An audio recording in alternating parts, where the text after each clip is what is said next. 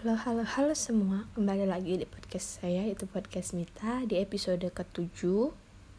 Sesuai janjinya di episode ke-6, bakalan ceritain tentang sad ending dari perselingkuhan gitu kan ya. Jadi, awalnya tuh sebut saja cewek ini namanya Lily dan cowoknya tuh namanya Yuda. Nah, si Lily dan Yuda ini udah pacaran lama.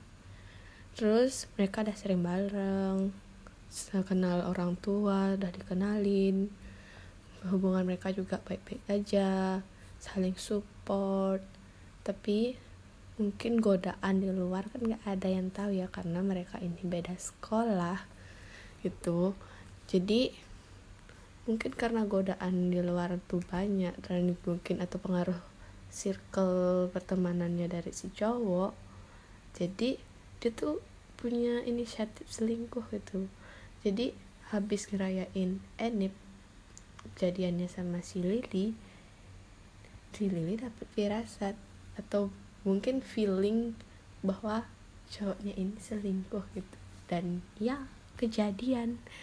Kejadian si cowok selingkuh tanpa ada kata putus semuanya berakhir gitu aja. Terus terus terus kontak.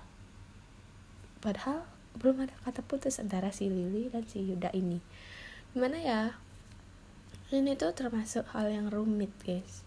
Tapi untungnya si Lily ini cepat move on dan sudah menemukan pengganti yang baru yang lebih baik lagi dari si cowok ini guys. Jadi pelajaran yang dapat diambil tuh jangan terlalu percaya akan cowok walaupun sudah dikenalin ke orang tuanya.